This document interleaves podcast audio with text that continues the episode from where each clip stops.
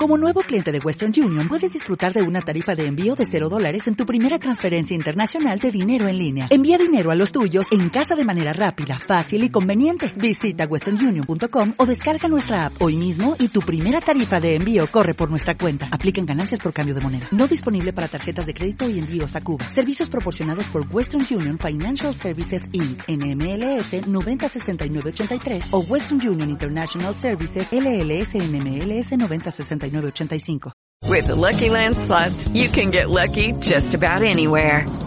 This is your captain speaking. Uh, we've got clear runway and the weather's fine, but we're just going to circle up here a while and uh, get lucky. No, no, nothing like that. It's just these cash prizes add up quick. So I suggest you sit back, keep your tray table upright, and start getting lucky. Play for free at LuckyLandSlots.com. Are you feeling lucky? No purchase necessary. Void where prohibited by law. 18 plus terms and conditions apply. See website for details.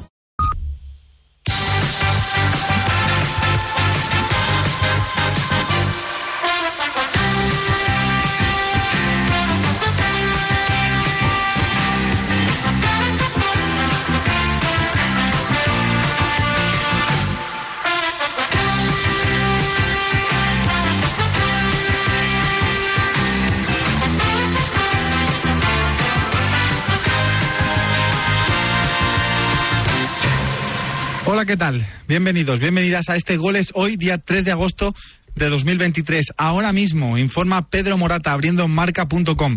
Luis Enrique se está planteando dejar el PSG. Nosotros nos vamos hasta Francia, París. Allí está Ramón Vila del Yu. Muy buenas noches, Ramón, ¿cómo estás?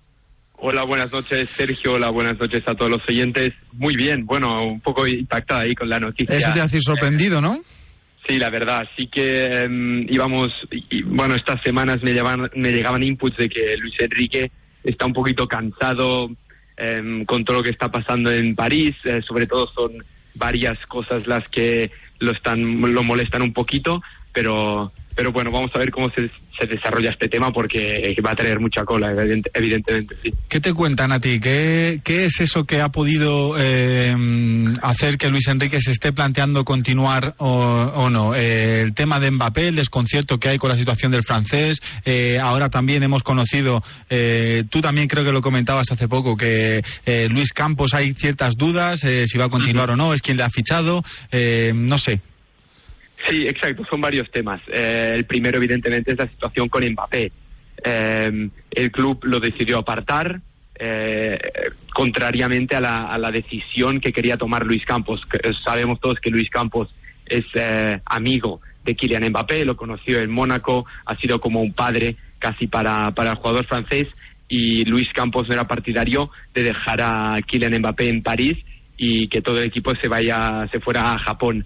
Eh, esto evidentemente a, Luis Enrique, que tiene muy buena relación con Luis Campos, con él son los dos que están pues montando la plantilla, viendo los nombres eh, de jugadores futuribles para el Paris Saint Germain, pues evidentemente también le ha hecho eh, un poco, le ha molestado que, que no se escuchara las decisiones o lo que quería eh, Luis Campos y esta es una de las de las razones. Otra también es eh, lo que comentaba nuestro compañero eh, en, en, en, en Pedro Morata. Ajá. Exacto, Pedro Morata, eh, del, del, asistente. De, vamos a ver si va a seguir eh, Rafael Paul, es la mano derecha de Luis. Enrique, pero por varias cuestiones no sabemos del todo si, si va a poder continuar y esto pues es, es, es un problema para, para Luis Enrique, para su cuerpo técnico, porque había mucha esperanza también en, en el preparador. Y, y, estos son básicamente algunos de los temas.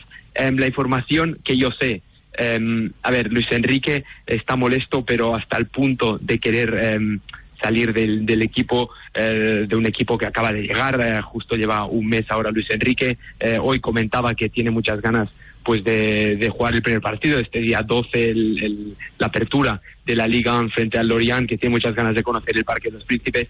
A mí me sorprendería que ahora Luis Enrique diera un paso al costado. Es también lo que han afirmado desde Francia, ahora varios medios, también um, otros medios eh, en Twitter lo han afirmado. Um, uh -huh. Fabrizio Romano, por, por, ejemplo, también ha dado la negativa. Um, desde Inglaterra también lo apuntaban. Así que a mí me parece, me cuesta em, entender que, Luis Enrique se quiera ir, pero que está molesto sí que es, algo eh, que se sabe. Ramón, eh, estos últimos acontecimientos, eh, la más que posible salida de Luis Campos, Luis Enrique teniendo dudas, Dembélé con pie y medio, por no decir los dos, ya en París, ¿son indicios de que Kylian Mbappé puede llegar al Real Madrid la semana que viene, por ejemplo? ¿Te cuadraría entre el 10 y el 12 de agosto? A mí me, me cuadra que la, que la situación se está calentando y que la situación cada vez está más cerca.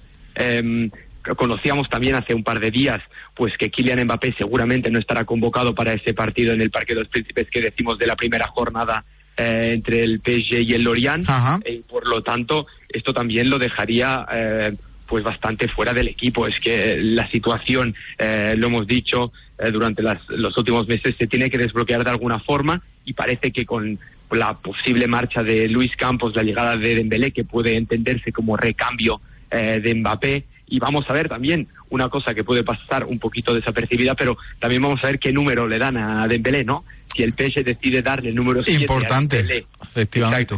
Si le decide dar el número 7 a Dembélé, eh, esto será una declaración de intenciones, pues eh, la verdad que, que importante pero parece que al final vamos a ver si se va a quedar con el número 23, pero eh, Dembélé, la llegada de Dembélé eh, también es, es, un, es un indicio de que, Mbappé está bastante cerca ya en la rampa de salida y, el Madrid, eh, con, que, con que haga una oferta sólida, eh, el PSG va a tener que, que aceptarla porque no, no hay vuelta atrás. Mbappé está ya casi fuera del, del equipo y se tiene que desbloquear de alguna forma, sí. Vaya veranito que te están dando tus amigos del PSG, ¿eh, Ramón? sí, no, con, este equipo nunca... No estás aburrido. Tranquilo, pero bueno, no, es, lo que nos gusta, ¿no? La información, el periodismo y contentísimos por, por poder seguir la, esta información y seguir el día a día en la actualidad de, del PSG, del fútbol, de Francia, de todo. Pues estaremos muy pendientes de todo lo que pueda pasar en París. Eh, Ramón Vilagediu, muchísimas gracias eh, y hablamos en esta semana porque creo que, que, sí, que vamos a hablar y vamos a confirmar cositas. A vosotros, gracias. Un abrazo. Breve pausa y seguimos. Nos vamos hasta Barcelona, que hay que conocer la última hora de Encamp Barça. ¿Quieres enterarte de todo lo que ocurre en el mundo del póker? Escucha cada domingo desde la una y media de la madrugada Marca Póker. Historias, debates, reflexiones, actualidad, conexiones en directo y, por supuesto, entrevistas. No dejes pasar la oportunidad de escuchar el deporte de Naipen en la radio del deporte. También disponible en podcast en todas las plataformas. Marca Póker con David Luzago.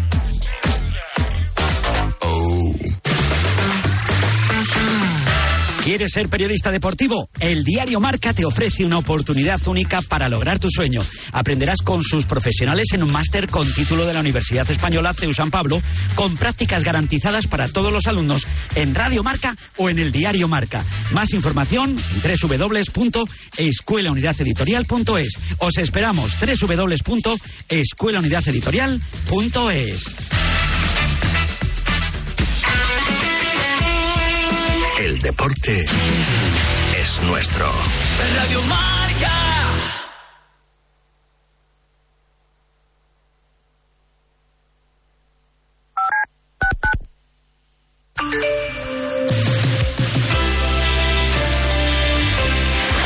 Mensajes al 628 26 90 92. En La Mancha no hay bombones, pero hay morenos que rompen corazones. Hola, buenos días, Radio Marca. Un abrazo, Vice. ¿Qué tal estás, hombre? Pasa, amigos míos. Buenos días. Buenas tardes, pizarreros. Esas máquinas. Yo me iría directico ahora mismo a Radio Marca a conoceros a todos, de, sobre todo a Tío Ortega, a Sánchez, a Yanela, Carabajano, a Sauk, a todos. Que sois unos cracks. A mí el cumplido más bonito que me, que me hicieron fue mi tía que me dijo que estaba guapísimo en la boda de mi prima, no sé qué, con un traje blanco. Y no era yo, era mi primo. Cago en la leche. Hola, Chiqui. Felicidades, Yanela. Hola, Sauki, que quise conocerte cuando estuviste en Moncloa. No pude parar, qué rabia me dio. Venga, hasta luego. Mándanos mensajes con tu opinión al WhatsApp. 628 26 90 92.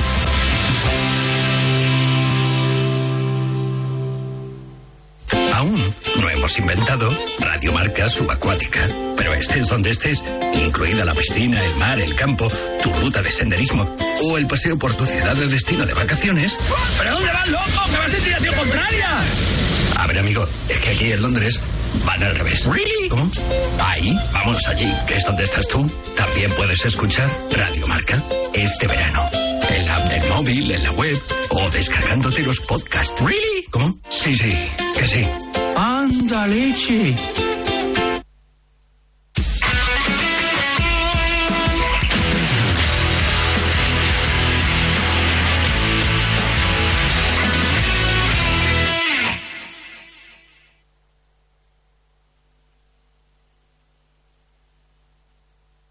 Hello, it is Ryan, and we could all use an extra bright spot in our day, couldn't we? Just to make up for things like sitting in traffic, doing the dishes, counting your steps, you know, all the mundane stuff. That is why I'm such a big fan of Chumba Casino. Chumba Casino has all your favorite social casino style games that you can play for free anytime, anywhere with daily bonuses. That should brighten your day a little.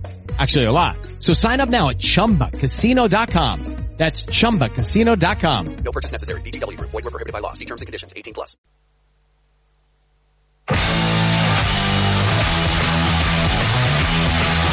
Goles, simplemente periodismo de etiqueta.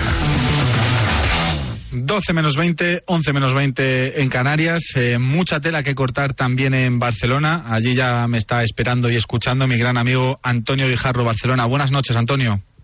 Sergio Torres, Bonanit, buenas noches, ¿cómo estamos? Pues bien, aquí con ya has visto el lío que tienen en París. Eh, Luis Enrique se está planteando dejar el PSG.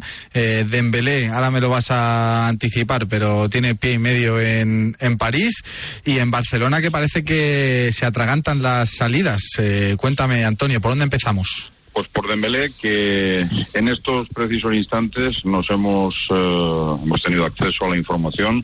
El señor Dembélé y el PSG ya han llegado a un acuerdo definitivo.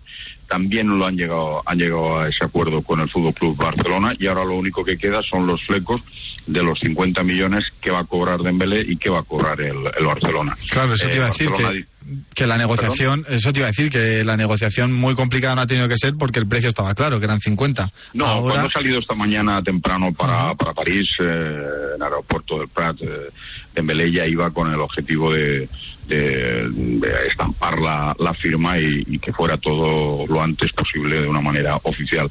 Por, por lo tanto, esta, entre esta tarde y esta mañana se ha llegado a un acuerdo rápidamente entre el jugador y el PSG. Va a firmar por cinco años a razón de 20 millones netos por temporada. Se dice pronto. Es una pasta muy, muy, muy importante, un dinero muy importante que le va pues a dejar la vida súper asegurada, que ya la tenía evidentemente. Pero bueno, eh, esto es eh, a nivel eh, Dembélé y me imagino que los clubes eh, tendrán que formalizar pues eh, dónde y cuándo hay que poner el dinero, los 50 millones y ya el Barcelona hará pues la repartición, ¿no? En un principio eran 25-25, pero como había ese contrato privado, esa cláusula privada en donde el Barcelona eh, quiere eh, pues eh, una especie de castigo a, a Dembélé, una especie de, de te quito un dinero por esto, por esto y por esto, pues no sé, igual el Barcelona sale ganando 30 o 35 y el resto se lo lleva el jugador. Saldremos en breve, eh, pronto, me imagino, porque me gustaría que todos los contratos que el Barcelona hiciera pudieran ser transparentes, eh, lúcidos totalmente y que la gente se pudiera enterar de pe a qué es lo que ha firmado el Barcelona, qué es lo que se queda y qué se lleva el jugador, etcétera, etcétera. Pero ya sabemos que esto, eh, por desgracia, no es una, una realidad en los últimos tiempos. Incluso cuando estaba Bartomeu de presidente, que ya te he dicho muchas veces que para mí es el peor presidente de la historia del Fútbol Club Barcelona. Me gustaría Bueno, a mí ver, me gustaría a mí ver Antonio eh, cómo le va a Dembélé en Barcelona, porque si alguien ha apostado por él, eh, le han facilitado las cosas y le han apoyado, han sido ha sido en Barcelona y ha sido Xavi. Así que y, y se va con Luis Enrique que precisamente eh, pues es otro hueso duro de roer y le va a exigir eh, tanto o más que le vienen exigiendo aquí en Barcelona. Y ojo, será curioso saber qué número va a llevar a la espalda, porque... Lo hablaba con Ramón ahora justo, sí. Sí, lo del, lo del número 7, lo de Mbappé. es, es curioso saber qué número va a llevar. eh, Yo creo que si le dan el 7 mosquito. es como, venga, ya está. Eh, es nuestro 7 y el 7 que tenemos, eh, dirección Madrid. A mí, por lo que me dicen también, lo de Mbappé está también muy próximo a, a finiquitarse y muy pronto estar en la capital de España. Parece ser que está tomando todo, pues, e- el cariz que en un principio, pues, eh, ya hablábamos desde hace muchísimo tiempo. Pero claro, como se retrasa todo tanto, pues al final parece que sea todo interminable. Bueno, pues Dembélé a estas horas ya podemos decir que es jugador del PSG, que el Barcelona va a recibir 50 millones y el tema particular que tengan que solventar el Barça y Dembélé y su representante, eh, pues eso ya es un tema particular que eh, esperemos que lo digan, o si lo quieren decir evidentemente, cuando ya esté todo eh, finiquitado a nivel de, de lo que es el suscribir el contrato. Pero ya te digo que está todo solucionado y que Dembélé va a ser jugador del PSG en las próximas cinco temporadas. Y justo con esta noticia, aquí en Barcelona han empezado a salir otras noticias, Ajá. que si Lenglet y que si... Eso te iba a preguntar, porque yo la última noticia que tenía era que el Milán pujaba fuerte por Lenglet y que Al Ali eh, de Arabia venía también pujando fuerte por Kessie. Pues está usted muy bien informado. Pero es que ha sido, ha sido muy fuerte, ¿no? Porque ha sido marcharse Dembélé hacia París y Lenglet y Kessie pues eh, habrán aparecido en, en la prensa en muchos eh, eh, trozos de- del periódico, tanto digital como de, de papel cuché, pues eh, en ofertas con el Milán, por ejemplo, eh, que sí, es, ahora está interesado el Milán, el al de Arabia Saudí, como bien has dicho, y el Tottenham. Y por Lenglet están interesados el Tottenham, el Milán y varios equipos de Arabia Saudí. Ha salido todo como, como en cadena, como en cascada, ¿no?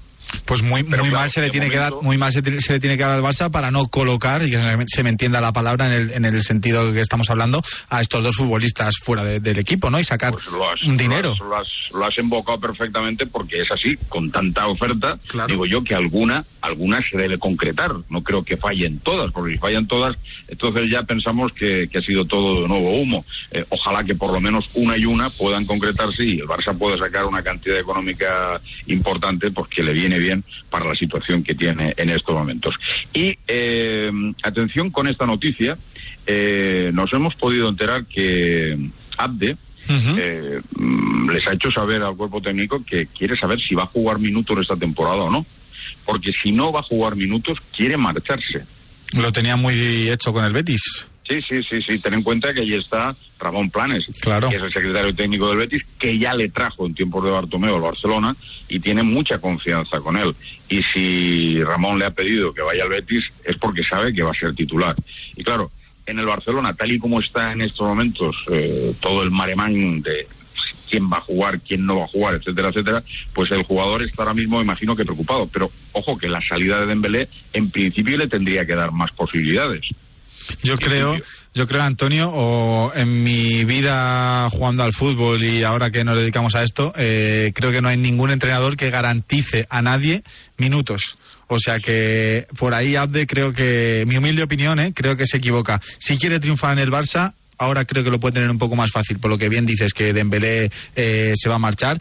Y si no, pues creo que el Betis podría ser muy un destino bastante factible. Eh, ¿Sería traspaso con opción compra? ¿Sería No, una no nueva aclarado cesión? todavía. Eh, estarían las dos opciones encima de la mesa. Hombre, yo creo que sería una cesión. Yo creo que, eh, vamos a ver, con Nico creo que se han equivocado traspasándolo. Y luego esa recompra de 30 millones que ya hablamos el otro día me pareció una auténtica locura. Y si hacen algo parecido con, con, con no me parece, no me parece lógico. Yo creo que estos jugadores los tienes que tener controlados, porque si no te van a contar ahora, o no van a contar para quiero decir, y, y no quieres eh, tenerlos en la plantilla, por lo menos cederlos. Creo que, que tienen que ir por, por ahí esos derroteros. Pero bueno, ya te digo que en Barcelona eh, puede pasar cualquier cosa.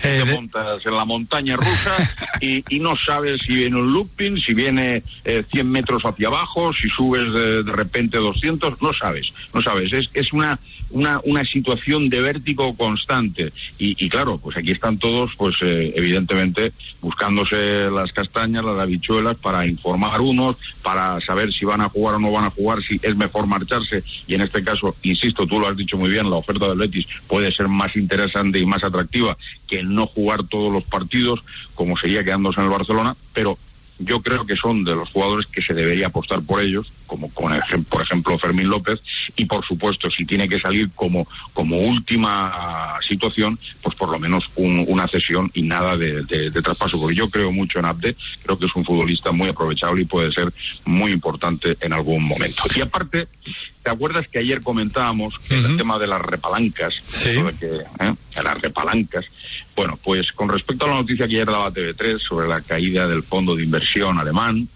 eh, insisto, respecto a la repalanca, debe ser una noticia real, porque ya lo comentábamos eh, ayer que podría existir algo de real, porque el Barcelona no ha desmentido públicamente nada, ni con comunicados, ni con el propio presidente saliendo a la palestra y diciendo, oye, eh, esto que han comentado los compañeros de TV3 no tiene absolutamente nada que ver con la realidad.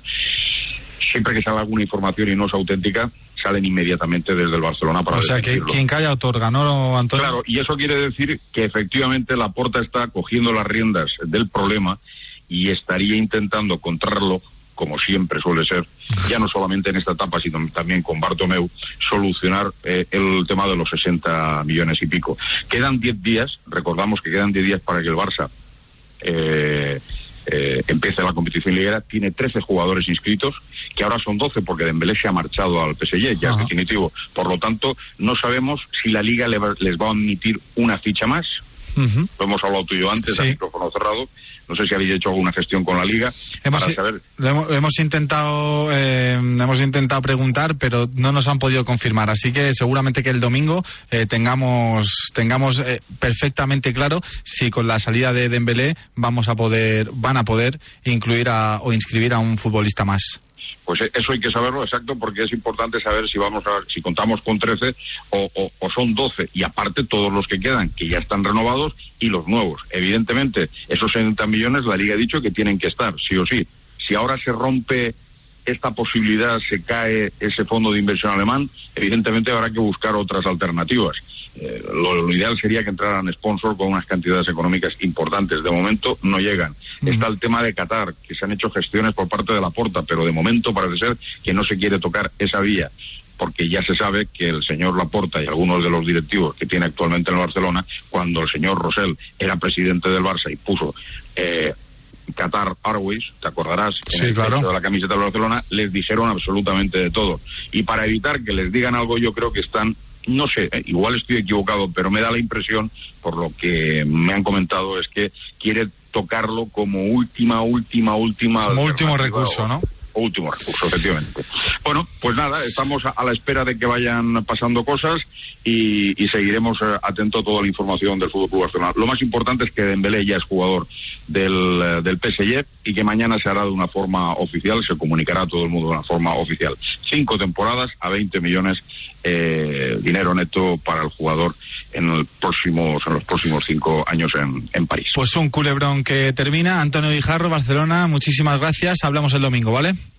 Un placer, como siempre. Buen programa. chao Sergio. chao seguimos aquí en sintonía de Radio Marca Le digo nunca más al camping gas. Quiero pillar los 15 millones y nosotros pillar los 10.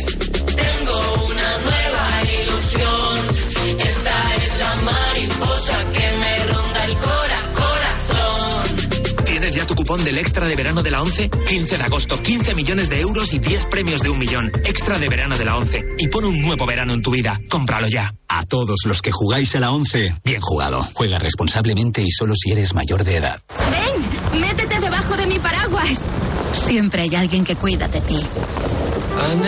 En Autocontrol, anunciantes, agencias y medios, llevamos 25 años trabajando por una publicidad responsable. Campaña financiada por el Programa de Consumidores 2014-2020 de la Unión Europea.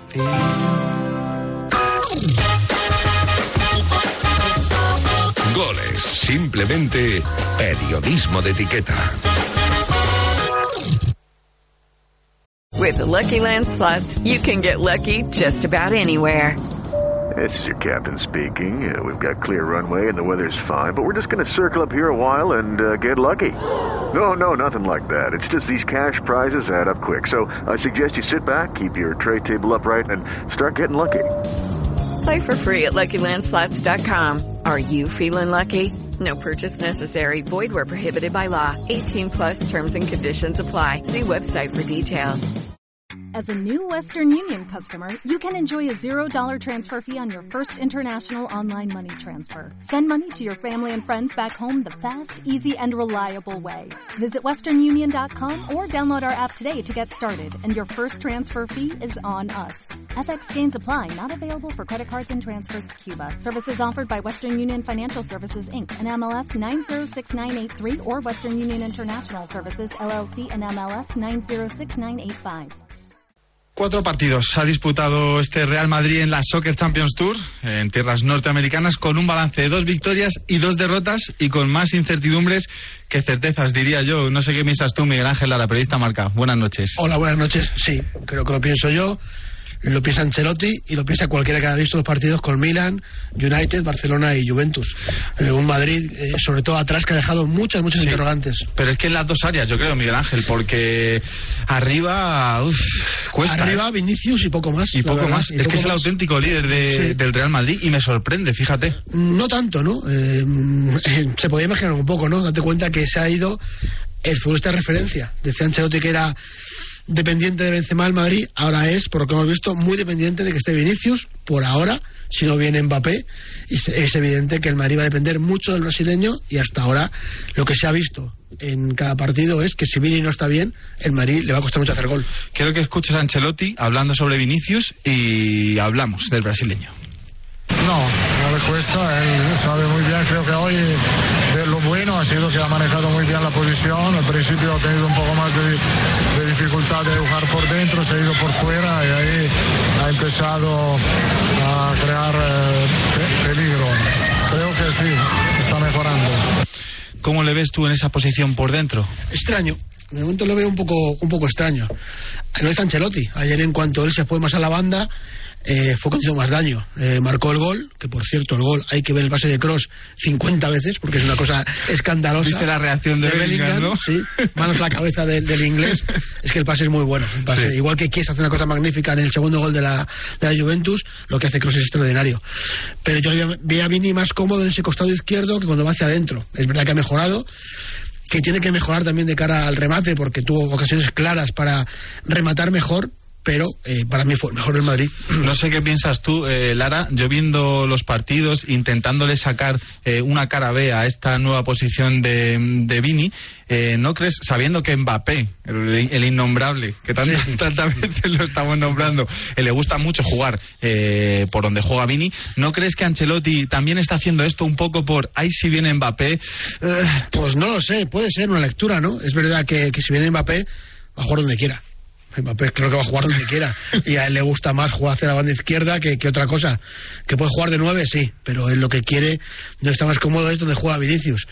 A mí me cuesta ver a Vinicius tan centrado. Eh, yo le veo, lo la Juventus, cada vez que arrancaba por la banda, eh, hace mucho más daño. Es verdad que mejora por el centro y ahí es un debate, pero yo creo que si viene Mbappé, él va a querer jugar eh, más hacia la izquierda y tendrá que buscar a Ancelotti una solución para que quejar a los tres, a Mbappé, a Ancelotti y a Rodrigo. Te voy a pedir que te pongas de nuevo los cascos y escuchemos a Ancelotti hablando sobre la falta de gol, que creo que es algo eh, muy real que hemos podido ver en esta pretemporada. En la pretemporada puede pasar esto que no tenemos el acierto porque el equipo está un poco cansado, hemos viajado mu- mucho, entonces la frescura que tiene que tener un delantero en finalizar no la tenemos en este momento. Esto creo que no es el problema, he visto, visto muchas cosas buenas eh, enfrente. Eh, Hoy, por ejemplo, Vinicius ha manejado muy bien la posición, a veces por fuera, a veces por dentro, ha marcado un gol fantástico. Como he dicho, a nivel ofensivo no hay problema, a nivel defensivo tenemos que arreglarlo. Eh, clarísimo, ¿no? Clarísimo. Muy claro. Esto, esto puede hacer, Lara, que el Madrid se apriete y se ponga las pilas en la contratación de Kylian Mbappé, que hasta ahora ha estado piano piano. Yo creo que no, que el plan que tengan va a ser el que estaba marcado antes de la pretemporada. Si viene o no, que yo creo que realmente casi nadie o nadie lo sabe, porque la operación es complicadísima en, en el terreno económico. Yo creo que no depende de eso, eh, que es una cosa que no que es independiente de que el Madrid marcara más goles o menos en la, en la pretemporada. Ellos han hecho un plan sin Mbappé, que creo que creen en él hasta cierto punto, evidentemente, porque te puede generar muchas dudas. Es verdad que con José Lu, aunque ayer estuvo no acertó, ganan, porque Mariano era cero lo que te aportaba, y José Lu a poco que te aporte, que va a ser mucho lo que te puede aportar, es mucho más que Mariano. pero no creo que la, que la llegada o no de Mbappé dependa de lo que pasa en Estados Unidos. ¿Cómo has visto a Bellingham? Porque los dos primeros partidos nos asombró a todos. Contra el Barça se diluyó un pelín y ayer muy poco. Ayer poquito hizo alguna cosa mm, que, ves que es un jugador de, de mucha calidad, pero sí ha ido, ha ido un poquito de, de más a menos, pero bueno, creo que es una adaptación bastante rápida del inglés, que, que lo que vimos en los primeros partidos es para ser optimistas, pero como tú dices, ayer bajó un poquito del pistón, también es verdad que casi todo. Los cuatro partidos Ha titulares. jugado muchísimos, muchísimos minutos. ¿Y te gusta esa posición o tú le ves más como jugaba en el Dortmund, como juega en Inglaterra, más de ahí abajo, un poquito más Yo le veo un pelín más atrás. Un jugador de, de área a área, llegando a las dos áreas, eh, ayudando en la suya, saliendo con la pelota y llegando a la contraria. Pero claro, hay que encajar piezas. El Madrid tiene, igual que la, la delantera puede tener dudas de cómo jugar, con quién jugar, en el medio campo esas dudas eh, llegan, pero por, por exceso de jugadores. ¿Quién, de encajar, quién pondrías tú, Lara? yo. Venga, mojate. Yo pondría el centro del campo de ayer. Cross Modric, eh, Bellingham y Camavinga. Pues te iba a preguntar justo después por cómo quedan eh, Kroos y Modric después de estos cuatro partidos. Pues igual, creo que mm, es pretemporada, es época de ensayos. eh, dudar de Kroos o Modric por lo que hemos visto en estos partidos, que es un poco absurdo. O sea que tú el plan B, en teoría de Ancelotti, lo pondrías de plan A, sí o sí. ¿El cuál? ¿El con Claro, los dos? Sí, sí, yo, sí, yo sí. Yo es que, sobre todo con el alemán, para mí un once sin alemán no es un once del Madrid, ni, ni es un, ni es un buen once nunca, si no está Kroos. Y los laterales, eh, ¿qué te han parecido? Porque yo creo, eh, Lara, que es el punto más débil de este Real Madrid. Bueno, creo que el derecho está claro que es de Carvajal, es un futbolista mm, con experiencia que ha tenido lagunas, pero si él está bien, creo que es muy superior a Lucas Vázquez en esa lucha individual. Y el de izquierdo, vamos a ver. Vamos a, ver. A mí me gusta y, me, y creo que tiene buena pinta Fran García. Sí, le faltan cosas, eh, tiene que mejorar cosas, eh, es un chico joven, eh, es un perfil muy diferente, para partidos en los que tenga que caer el Madrid puede ser mejor, pero yo aún creo que en partidos de máxima exigencia eh, Mendy va a estar por encima. Y vamos a ver si Camavinga no juega algún día ahí. Vamos a ver. Eh, no lo descarta, yo ¿verdad? no, yo no. Por cierto, yo mm, pondría a Camavinga y Chouameni en el centro del campo. Ahí no, Bueno. no coincido contigo. ¿A quién quitas? Eh, ah, No, no, ah, hay que mojarse, ah, ah. hay que mojarse. A mí me pagan por hablar, no me pagan por ser entrenador, Lara. La última, eh, ¿te gusta este sistema? ¿Crees que va a No, funcionar? me gusta más el 4-3-3, con lo cual enreda más las cosas. Mucho más. Enreda mucho más las cosas, evidentemente. Muchísimas gracias, Lara. Ya te dejo en paz que es tarde. Llevan muchas horas aquí. Buenas noches y hablamos otro día, ¿vale? A ti, un placer. Seguimos aquí en Goles. Goles, simplemente periodismo de etiqueta. Bueno, pues seguimos aquí en Goles. Hoy tenemos un protagonista de lujo eh, y nos lo va a presentar Fernando Jesús Hernández. Muy buenas noches, Fernando. ¿Cómo estás? Hola, ¿qué tal, Sergio? Muy buenas noches. De protagonistas de lujo va la cosa. Estamos hablando de Manuel Agudo Durán Nolito, una leyenda del balompié nacional que ha pasado por Atlético Sanluqueño, Valencia Mestalla, Écija, la cantera del Barça, el primer equipo culé, Benfica, Granada, Celta, Manchester City, Sevilla e Ibiza, además de disputar la Eurocopa 2016 con España. 141 goles en clubes y 6 con la selección le avalan. Ya te escucha aquí en Goles, en sintonía de Radio Marca, Nolito. Nolito, ¿qué tal? ¿Cómo estás? Bien, bien, aquí voy creciendo con la familia.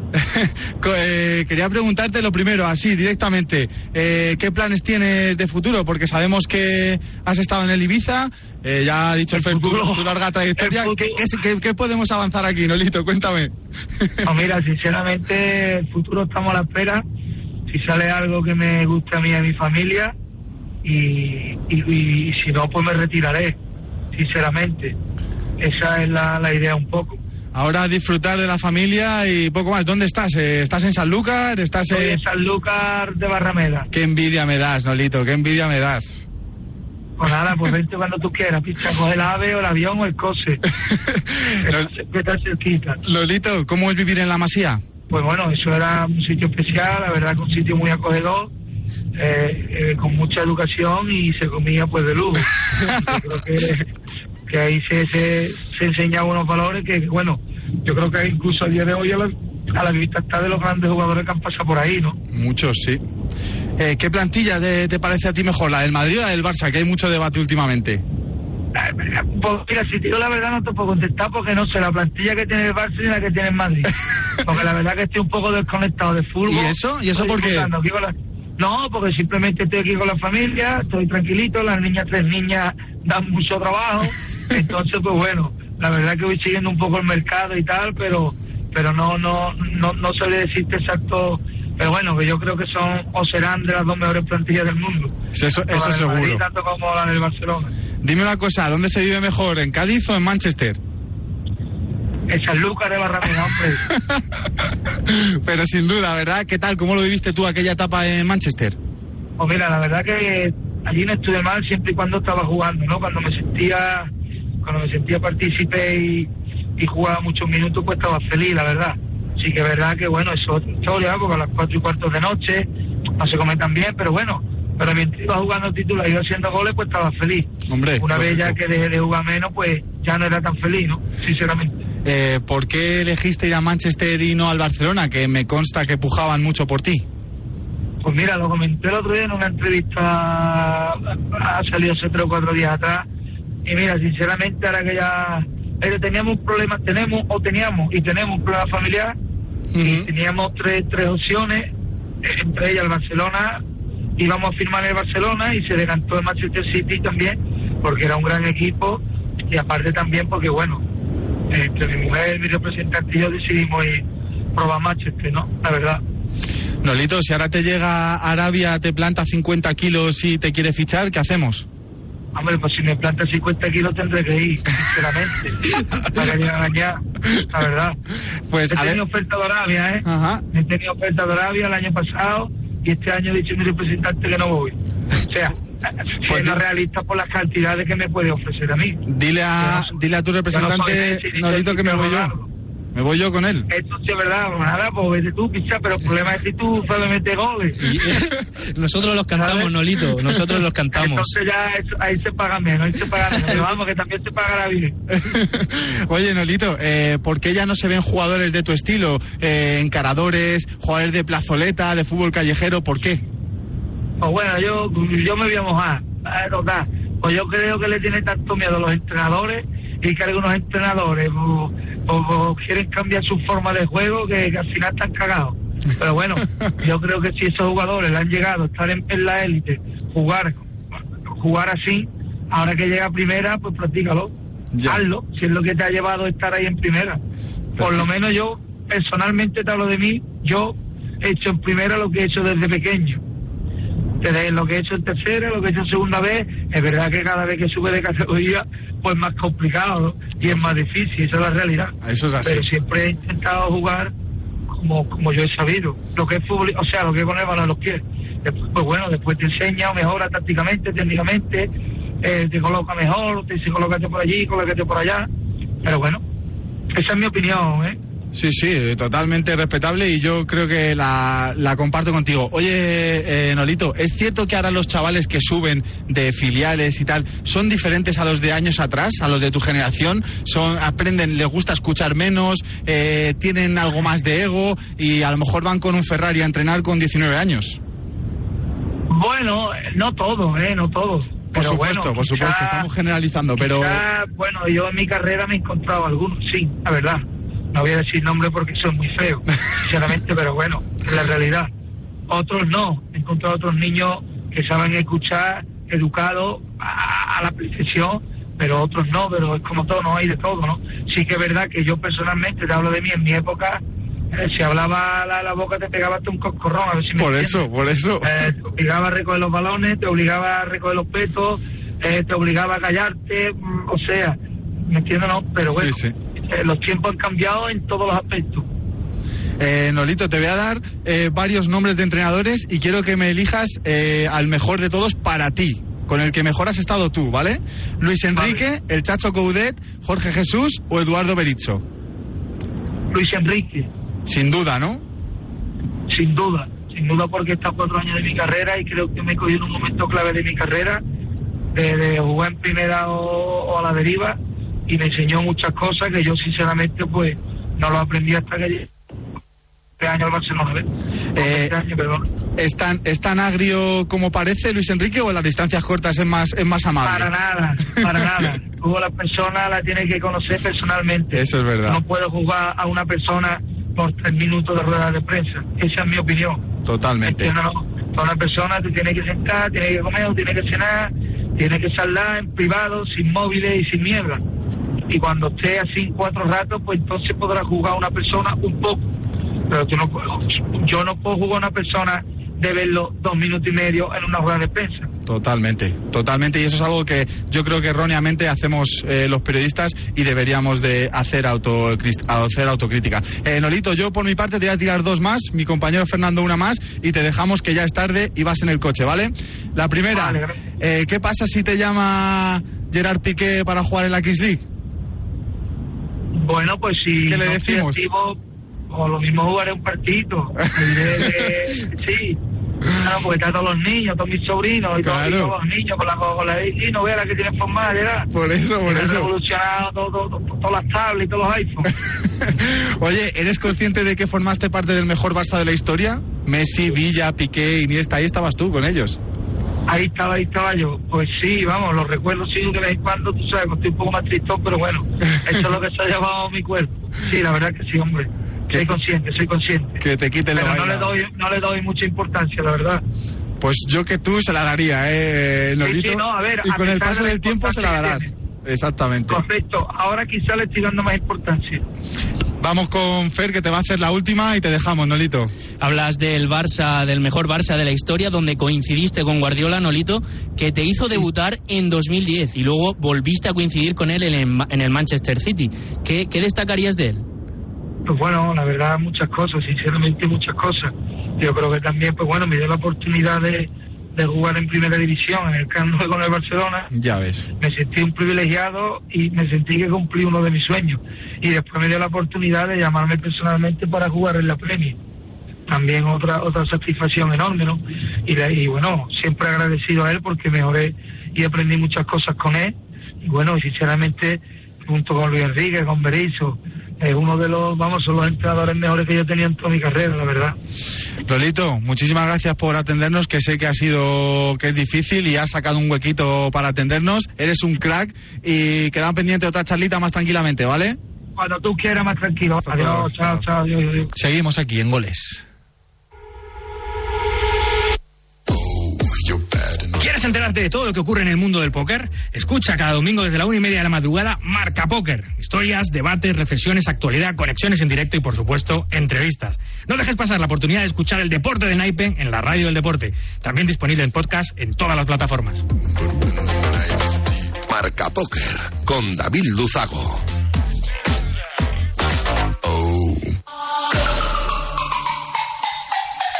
La tecnología está creando nuevas oportunidades de negocio en el ámbito deportivo y necesitan nuevos perfiles profesionales. El diario Marca y Telefónica Tech se han unido para ofrecerte un programa de experto online en digitalización en el deporte, una oportunidad única para conseguir tus metas, una formación flexible y de aplicación inmediata para unir tus dos pasiones, tecnología y deporte. Infórmate en www.escuelaunidadeditorial.es. No pierdas esta oportunidad. www.escuelaunidadeditorial.es.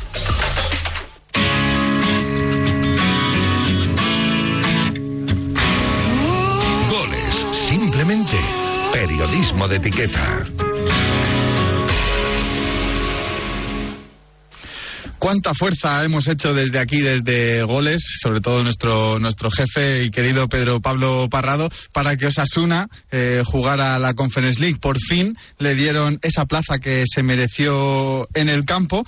Eh, diez años eh, pasaron desde que Osasuna cometió aquellos hechos. Una directiva completamente diferente. Hoy, por fin, Osasuna está en la Conference League, pero el Comité de Apelación de la UEFA le ha dado eh, una resolución y está aquí Iñaki Cioria desde Pamplona para contarnos. Buenas noches, eh, Iñaki, ¿cómo estás? ¿Qué tal, Sergio? Muy buenas noches. Pues se excluye a Osasuna de la próxima competición europea para la que se clasifique, pero si Osasuna cumple con las reglas de la UEFA en estos dos años, la sanción quedará sin efecto. Cuéntanos tú mejor que yo, Iñaki. Eh, así es, no, no, desde luego es un pequeño toque, como tú dices, un toque de atención, una advertencia sin duda alguna para el conjunto de Yago Barrasate, porque la UEFA lo que hace es sancionar a Osasuna con una multa de 100.000 euros y también el 5% de los ingresos que pueda obtener en la competición europea a partir de la fase de grupos de la Conference League.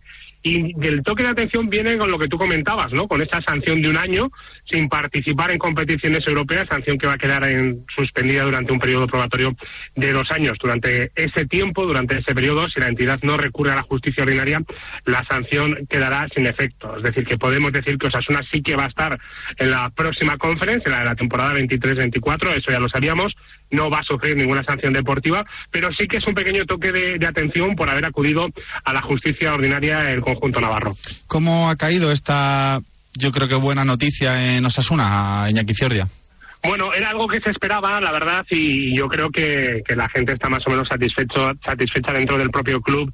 Eh, así nos lo hacían saber, ¿no? Fuentes de, del club, porque desde luego que lo importante para, eh, para Osasuna era estar en esa conferencia de la próxima temporada, una vez que ya se comunicó que iba a estar en competición europea en esta temporada 23-24, sí que se abría esa posibilidad de esa sanción, ya se sabía, una sanción por acudir a la justicia ordinaria, que es algo que suele hacer normalmente la, la UEFA, y se ha acatado con total normalidad. Eh, en lo deportivo, Cioria, ¿cómo está la cosa? ¿Movimientos? Eh, ¿Qué puede llegar? ¿Qué puede salir? Pues esperando, ¿no? Eh, posibles nombres no salen muchos, eh, se está guardando todo con mucho celo, con mucha tranquilidad por parte de Osasuna. El propio director deportivo Braulio y el entrenador también Diego Barrasate hace ya unas semanas comentaba que Osasuna es de fichar pronto o más bien tarde. El año pasado al propio Abde, un jugador que fue importantísimo en el conjunto rojillo, se le fichó casi casi en ese eh, bocinazo final y se espera hacer también lo propio en esta temporada. Mañana Osasuna va a disputar sus dos últimos encuentros eh, de pretemporada. Eh, ya se acerca, como no, ese momento de la gran cita con dos partidos ante el Burgos y ante el Alavés y eh, a partir de entonces a preparar, a soñar, como no, en esa próxima campaña y en ese primer partido de Liga, jornada 1, frente al Celta de Malaídos. Pues eh, Iñaki Ciordia, muchísimas gracias por atendernos. Estaremos muy pendientes de estos dos partiditos que le quedan a Osasuna antes del inicio liguero y cualquier novedad eh, estamos en contacto, ¿vale?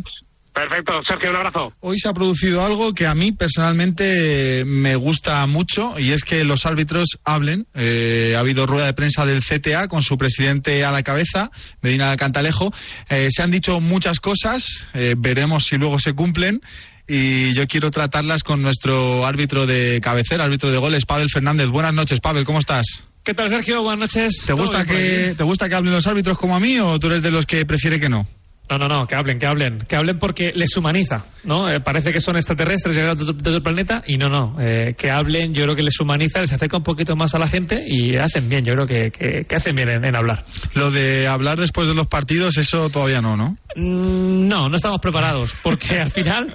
No, ¿sabes qué pasa? Que, ¿Sabes qué pasa? Que, que el que hable después del partido, ¿por qué no respetó penalti? Pues porque no lo vi o porque no me lo pareció. Y al final no vas a, no, el árbitro no va a convencer a nadie. El árbitro tiene que hablar en el campo el silbato y con la y con las tarjetas. Sí que vería bien, te lo he dicho otras veces, uh -huh. que una vez a la semana o una vez Eso es. más rápido, o sea, de forma más eh, de forma ¿cómo se dice? De forma eh, el tiempo, eh, corto, cortos plazos sí, cortos de tiempo de, de forma periódica más periódica, más frecuentemente, ahora lo digo bien, eh, sí que es verdad que me gustaría que el CTA, pues oye, eh, pues explicara, oye, pues esta jugada eh, se ha pitado así, asá, por esto, por esto y por esto. Eso sí que estaría bien, eso sí que me gustaría. Pero bueno, tiempo al tiempo. Vamos a escuchar primero a Meira Cantalejo para que la gente sepa, entienda y escuche que desde el CTA hacen autocrítica yo creo que tenemos que también entonar un poco el mea culpa sobre no, no podemos venir aquí sacando pecho diciendo que hemos hecho una extraordinaria temporada,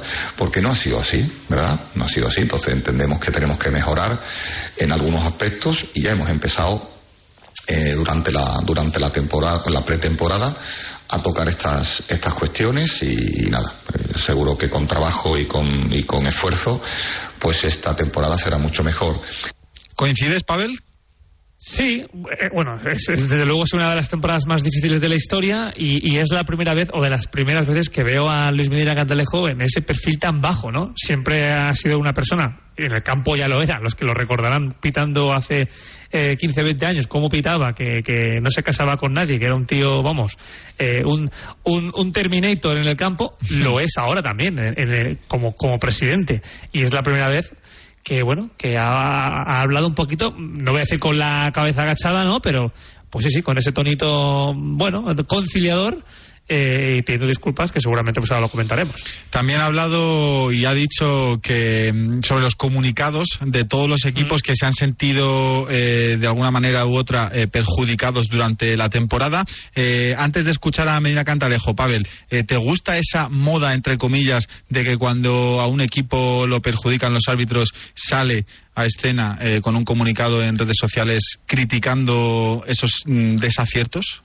No, por Dios, no, no, no, es, es, es una, un ataque gratuito, ¿no? ¿Por qué- ¿Y por qué los clubes atacan? Porque los árbitros no responden. Por eso, por eso los clubes atacan, ¿no? A mí me gustaría que un, un, un club, cuando es beneficiado por un error arbitral, saliera también un, un comunicado y dijera, oye, mira, qué bien, nos ha ayudado eh, por este error, ¿no? Pero no lo hacen los clubes. Los clubes solo escriben o solo publican cosas cuando son perjudicados.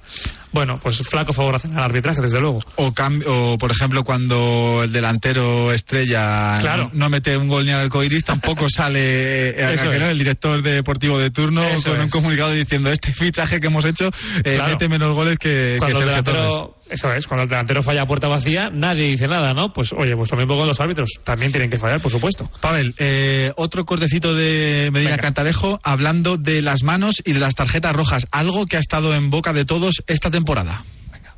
Si una de las cosas que tenemos que mejorar, las manos, eh, las ocasiones en de gol, eh, determinadas interpretaciones del bar, ¿vale? Pero posiblemente el- la cuestión de- del número de rojas, pues deciros que no es precisamente analizado de verdad con total frialdad. ¿Qué te parece esto, Pavel? Bueno, mira, el, el número de rojas eh, se- ha salido a debate, ¿no? Muchas veces. Este corte no lo dice, pero ha habido un momento que Clos Gómez ha dicho que el número de rojas que ha habido se ha quedado corto, que tendrían que haber sacado 20 o 30 más, cito textualmente. ¿eh? Esto ha dicho Clos. Gómez esta tarde, este mediodía, bueno, sí, esta tarde, eh, lo ha dicho en la rueda de prensa. Tendrían que haber sacado 20 o 30 más. O sea que aquellos que se llevan las manos a la cabeza porque somos la Liga Europea que más tarjetas rojas saca, pues bueno, que sepáis que el CTA opina que tendrían que haber sacado más. Bueno, pues, eh, pues eh, los árbitros eh, lo que hacen es proteger, proteger al jugador que, que agrede o que, o que es violento o que juega al límite del reglamento y, y ya está. Entonces es lo que hacen los, los, los, los árbitros, sin más. Por lo tanto, bueno, pues eh, así tiene que ser y así, y así va a seguir siendo, así lo han dicho. Así que van a seguir siendo- habiendo muchas tarjetas rojas, seguramente más que en el resto de países. Hemos eh, seguido, lógicamente, la rueda de prensa mm, de esta, de esta mañana, de este mediodía, y he contado, eh, creo que me vas a corregir, pero bueno, he contado eh, cuatro cambios para la nueva temporada. Si quieres, vamos uno a uno. El primero es no sancionar penaltis eh, en contacto de baja intensidad. Sí, bueno, lo los no penaltitos, ¿no? Eh, Pero ya- es que es muy repetitivo. Siempre Ya. no penaltito y siempre vemos en cada jornada uno o dos eh, susceptible de ser un penaltito. Bueno, están trabajando en ello. Ya luego, luego, pero, pero, pero fíjate, eh, Sergio, fíjate luego como cuando un equipo eh, recibe, entre comillas, un penalti de este tipo de baja intensidad, lo, lo pide. Entonces, bueno, se ha explicado, se ha dicho que no queremos pitar penaltis de, esa ba- de baja intensidad. Los famosos penaltitos, bueno, pues se ha vuelto a recalcar. No es una modificación, simplemente están haciendo hincapié, están luchando para que no se piten. Bueno, pero luego ya verás como los clubes los van a pedir, los aficionados lo van a pedir, los jugadores los van a pedir. Bueno, pues recordaremos una y mil veces, no, los penaltitos no se tienen que pitar. Bueno, pues eso es lo que ha dicho Undiano Mayenco con respecto a los penaltis. Mi madre decía una cosa, Pavel, en la virtud de pedir está la virtud de no dar. Entonces, Bu- buena, buena, buena, buena claro, o sea, sí, sí. pueden pedir todo lo que quieran, pero luego eh, está claro que si no es, no es. Eh, siguiente, no amonestar manos que no eviten una ocasión manifiesta de gol. Supongo, Pavel, que irá por las que no son eh, voluntarias. Eh, eh, bien, mira, te- me lo has quitado de la boca, ¿no? ¿No? Yo no yo- a mí no me parece bien que haya una mano voluntaria en la frontal del área, voluntaria, ¿eh? Hay que recordar que manos voluntarias en el fútbol no hay. O sea, Ya, pero ah, también hay que recordar que al fútbol se juega con los pies. Sí, sí, pero me refiero a cuando digo mano, cuando hablamos de mano voluntaria, hablamos de esa mano que el jugador hace un movimiento deliberado por tocar el balón con la mano. Realmente, de estas, ¿cuántas hay en, el, al año? Muy poquitas. Muy pocas. El resto son manos involuntarias, pero que ocupan un lugar punible. Bueno, si es, si es así, pues bueno, venga, pues co- compramos, lo, lo compramos. No me parece del todo bien, porque al final, si están tapando un tiro a puerta, que es, una, entre comillas, un ataque prometedor, ¿por qué no se va a amonestar?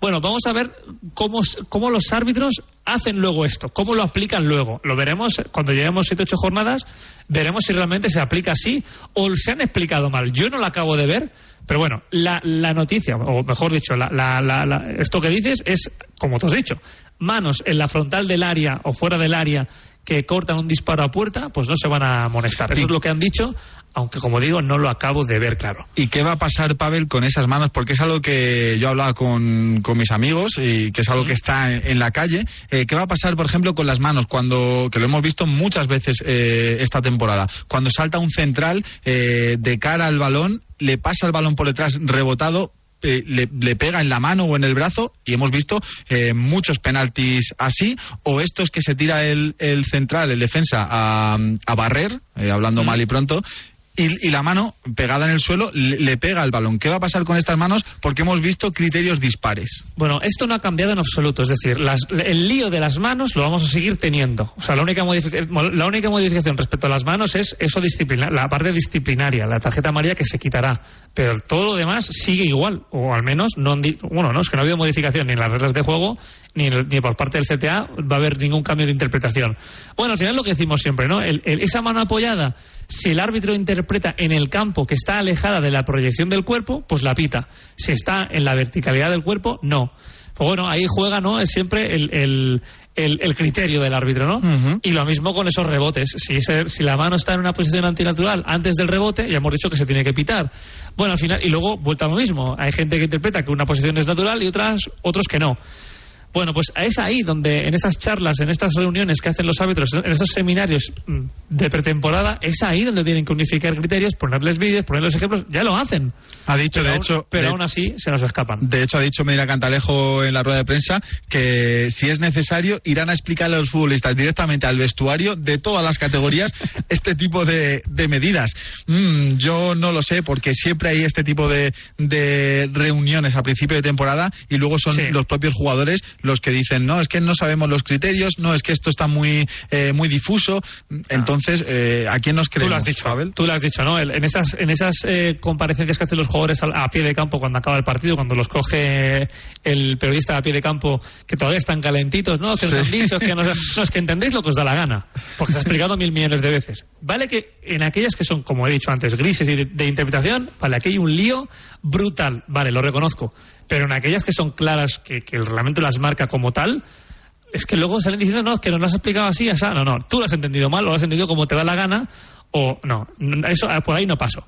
Bueno, como digo, eh, eh, que, y lo he explicado muchas veces, cuando a veces me pasa durante la temporada que tengo que entrar por la mañana a diario con Varela o en Gol Televisión por las noches y tengo que entrar a analizar unas manos, y yo a veces tengo dudas, evidentemente, y a veces tengo que preguntar a otros árbitros, oye, ¿qué os parece? Oye, ¿cómo lo has visto? Es que tenemos un lío entre los árbitros. Es que ni los árbitros nos ponemos de acuerdo. Pero por lo que digo, porque cada uno lo interpreta de una manera o tiene un criterio de, pues eso, pues es ahí el, el- el- el punto débil de lo- del arbitraje. El criterio, que debe ser el mismo, y ahí es donde fallamos. Algo que es imprescindible para el arbitraje y yo tengo muy poca idea es el sentido común y creo que eso se debe aplicar en estas dos eh, en estos dos puntos que vamos a tratar ahora que a mí eh, he de reconocerte Pavel ahora que no nos oye nadie me enervan me consumen me, me enciendo vale uno es el tiempo adicional el tiempo eh, eh, también el tiempo efectivo, este que hablan, que, que yo no lo entiendo muy bien. Eh, ahora se quieren parecer un poco a lo que pasó con, en el Mundial de el Qatar, Mundial. que vimos en la fase de grupos eh, descuentos increíbles que no dábamos crédito y luego rectificaron en el mismo mundial. Y ahora, por lo que ha dicho Clos Gómez, eh, que ha sido otro de los que ha comparecido hoy junto a Medina Cantalejo, eh, se va a tratar de añadir mm, exhaustivamente los minutos que se pierdan. Bueno, esto no, esto no es del CTA, ¿eh? esto no es decisión del CTA. O sea, la IFAP, que es quien escribe o redacta las normas, las reglas de juego, eh, tomó nota de lo que hizo la FIFA en el Mundial de, de Qatar y lo, ha- lo ha, lo ha traspasado al reglamento. Es decir, ahora la, la regla 7, que es la duración de- del partido, ahora indica que, que los árbitros deben añadir tiempo adicional por, por las celebraciones de goles, por el tiempo que se pierden en esas celebraciones. Es verdad que en el Mundial, si no me equivoco, eran de un minuto y medio. Sí. Y el CTA ha dicho que para ellos la- la- han estado revisando partidos y han dicho, oye, yo creo que nosotros con un minuto es suficiente. Bueno, pues si- eso sí no hay revisión de VAR, ¿eh? Entonces han dicho que por cada gol eh, que se marque se va a añadir un minuto. Por hacer un resumen. Por espera, espera, Pavel, vamos a escucharlo en voz de Klaus Gómez y lo seguimos añadiendo. Perfecto. Este año ha habido una modificación por parte de las reglas de juego en la que ya el gol, eh, esto se pudo ver en el último mundial, en la que los goles marcados son un caso ya eh, específico en el que se tienen que eh, tener en cuenta a la hora del conteo del tiempo adicional. ¿De acuerdo? Eh, nosotros hemos hecho un vídeo en el que, como podéis observar, mm, una celebración de un gol normal tarda más o menos un tiempo estándar, de un minuto. Por lo tanto, a nosotros los árbitros, ¿qué les hemos dicho? Pues que en un gol normal, en cada uno de los goles de, de los partidos, como mínimo se sume un minuto al tiempo adicional. Como mínimo. A mí, Pavel, me vas a perdonar, pero esto no me gusta nada. El fútbol es fútbol desde que se creó y un gol cuesta mucho meterlo eh, y yo, oye, pues se celebra el gol y punto. Tampoco creo que eh, cambie el devenir de un partido si un jugador tarda un minuto, un minuto y medio o casi dos en celebrar un gol. Bueno, al final lo que se busca es que, es que el, que el deporte sea más justo, ¿no? Si se ha perdido el tiempo, que se añada. Claro. Sí que es verdad que en resultados de 4-0 lo veremos ridículo, da- dar cuatro minutos, pero sí que es verdad que en partidos de 2-2 o 3-3, ostras, seis minutos más en ese partido que está empatado, 2-2, 3-3, ostras, ahí sí que nos va a venir bien. Y cuando, Pavel, a- antes de tal, te voy a interrumpir, porque como te he dicho, esto me calienta, y cuando el árbitro eh, saca una tarjeta amarilla, coge la, la tarjetita, el lápiz, mira a ver quién hay a su alrededor, eh, con una letra fabulosa escribe eh, Pavel Fernández tarjeta amarilla en el minuto Claro. 33. Ahí eso, eso no lo contamos, ¿no? Bueno, al final, claro, y los saques de banda y los saques de puerta, que es increíble el tipo Que ahora, ahora iremos, ahora iremos ahí, ahora iremos claro, ahí.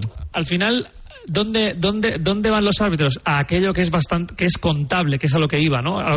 Cuando digo contable es aquello que cuando llegas al 90 haces memoria y lo puedes saber rápido, que son las celebraciones de goles, un minuto por cada una, las ventanas de cambios, el árbitro tiene las, la- anotadas y el cuarto tienen anotadas cuántas ventanas han habido. Aquí se dan 30 segundos por ventana. ¿Cuántas lesiones han habido? O mejor dicho, cuántas asistencias médicas han habido y luego las revisiones de bar. Con todo ello sacamos el tiempo añadido. Por eso muchas veces en los partidos, cuando estamos en Radiomarca, o, oye, Pavel, ¿cuánto van a añadir? Y lo clavamos, pues que es muy fácil hacer las cálculos. Ostras, ¿cómo lo has hecho, no? Pues bueno, al final es fácil, ¿no? Claro, si ahora ponte tú a contar cuántos saques de puerta hay o cuántas... Eso ya es más difícil. Bueno, pues lo que digo, ¿no? Lo que es más contable y a, y a donde se suele perder más tiempo, que es en estas cuatro cositas, pues ahí los árbitros van a tirar con eso y un poquito más por lo que tú acabas de decir. Pero al final la solución, y yo creo, y, y- y la gente se va a llevar las manos a la cabeza, pero yo creo que al final acabará llegando dentro de no sé cuántos años que se juega balón parado. O sea, como el fútbol Me sala. niego, me niego a pues, eso. Pues espérate que, que, que nos- alguna vez ya se ha dejado encima de la mesa en, la- en esas reuniones trimestrales que hace el IFAP, ya se ha hablado, ¿eh? Lo que pasa que no se han atrevido, pero que sepas que, que existe la posibilidad eh, en un tiempo no muy lejano de que esto ocurra. Yo me niego a eso, Pavel, porque, porque no, porque eso, porque a mí, por ejemplo, que me gusta la NBA, me pongo a ver un partido de la NBA y se me hace eterno. Claro. Antes de, de seguir con esto, otro, otro corte de Klaus Gómez, eh, en el que da dato exacto de lo que ha aumentado eh, el tiempo añadido desde la temporada 2021 a la 22-23. De la temporada 2021 a la temporada 22-23, el tiempo adicional ha aumentado en, 40, en un 40%.